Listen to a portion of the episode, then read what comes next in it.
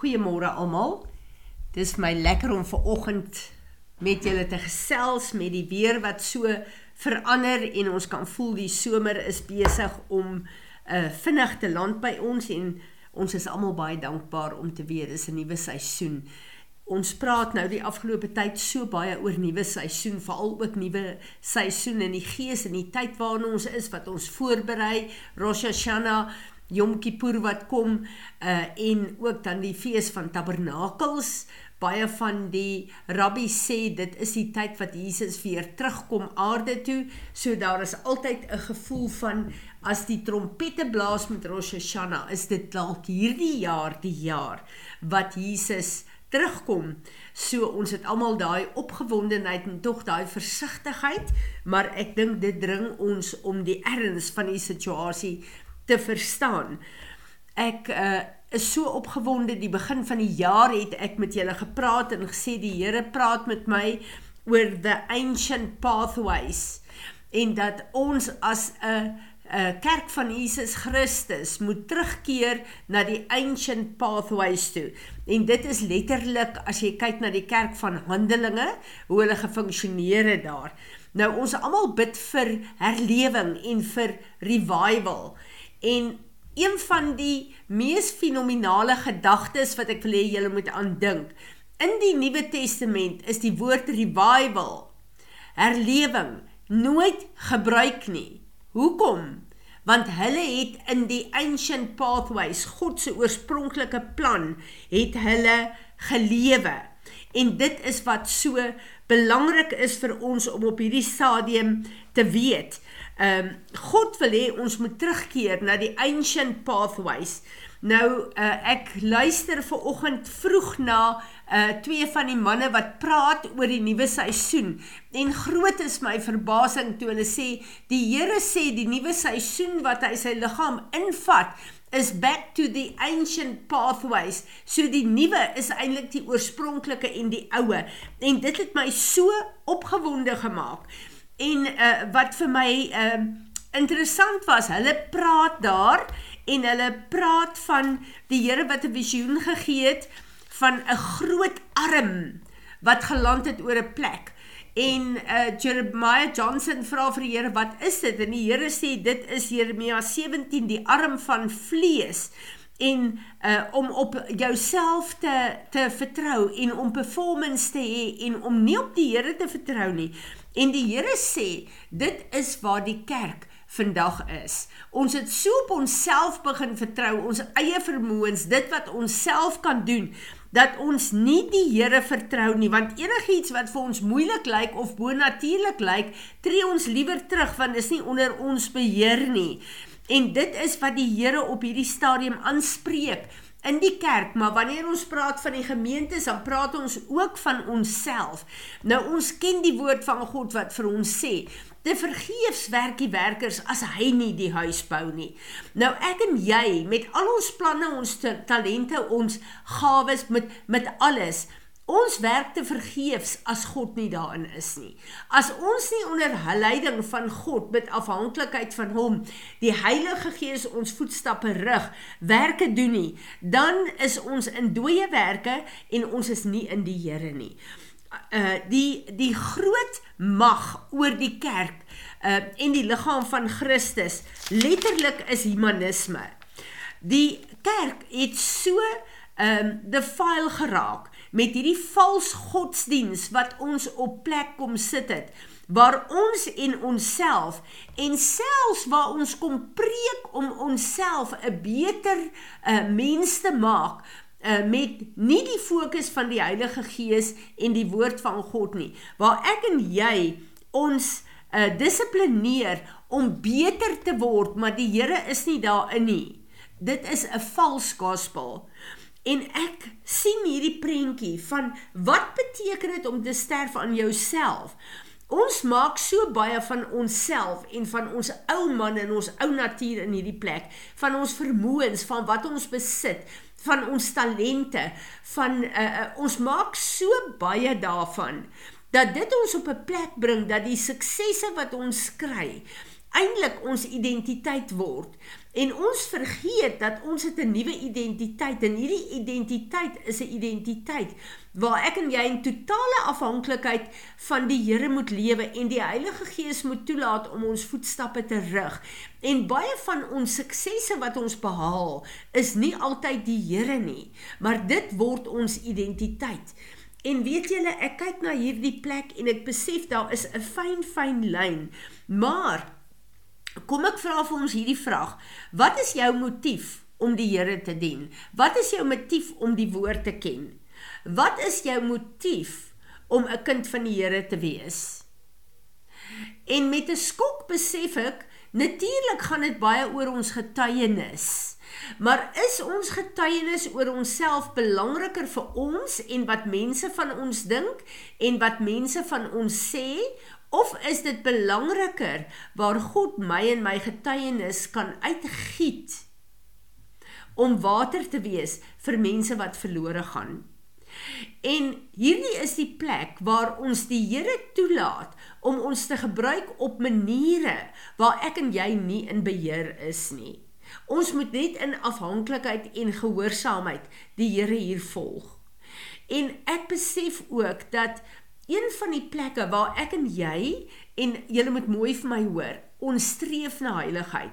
Daar's plekke wat ons besluite neem wat ons die Here volg, wat ons ek praat nie daarvan nie. Ek praat van daai plekke waar ek en jy op 'n plek is waar sekere sonde beïnvloed ons nie meer nie.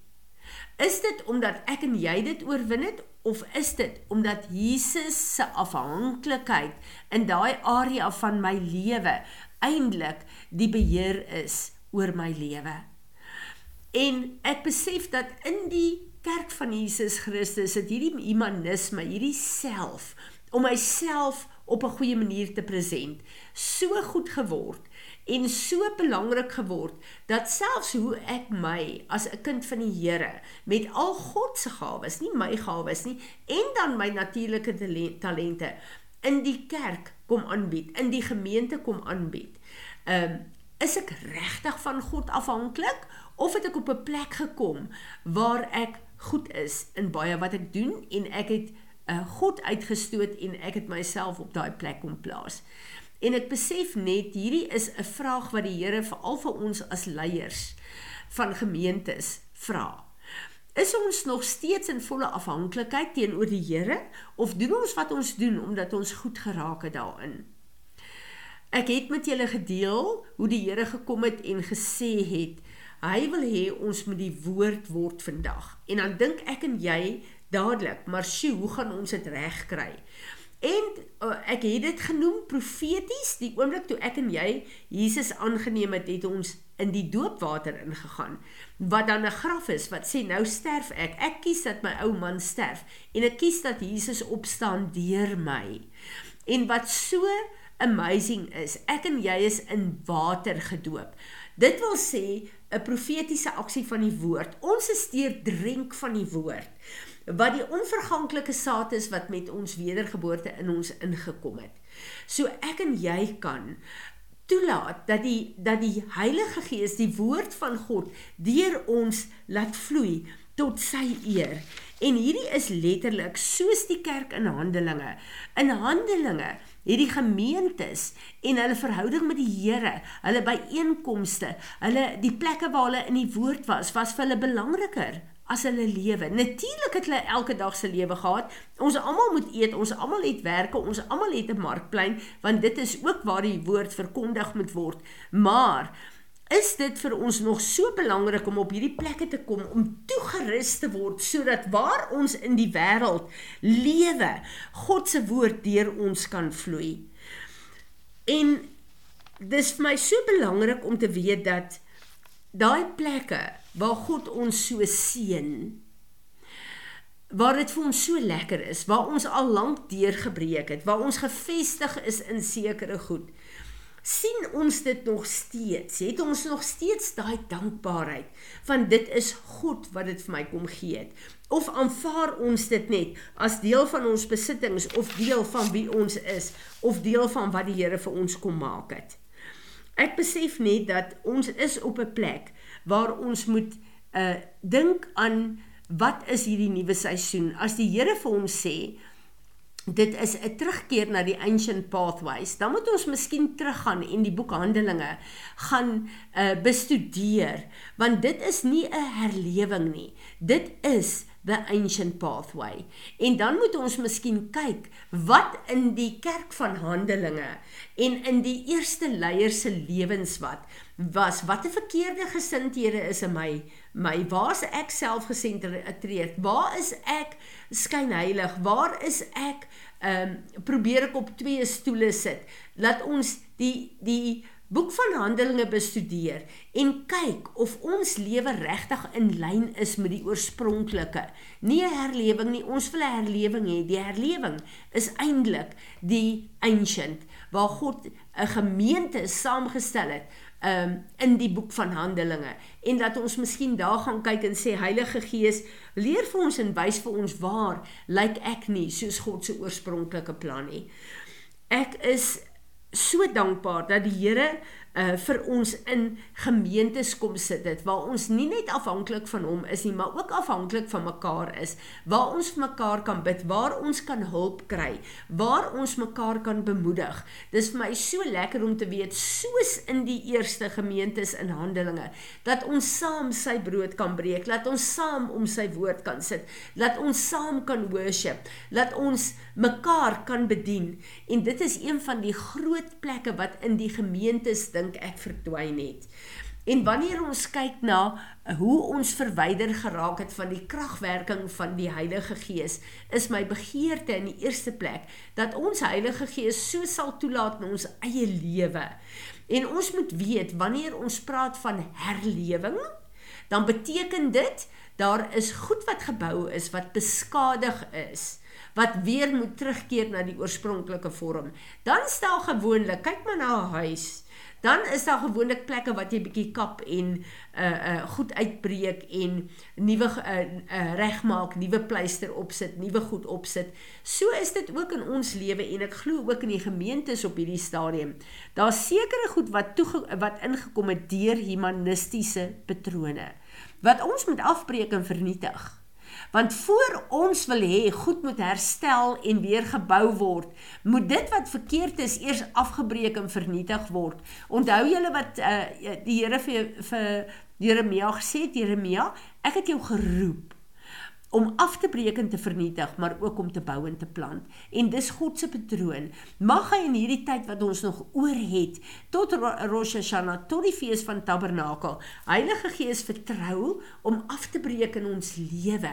En ek het vir julle die laaste keer die die uh, visioen gegee van die pottebakker en die klei.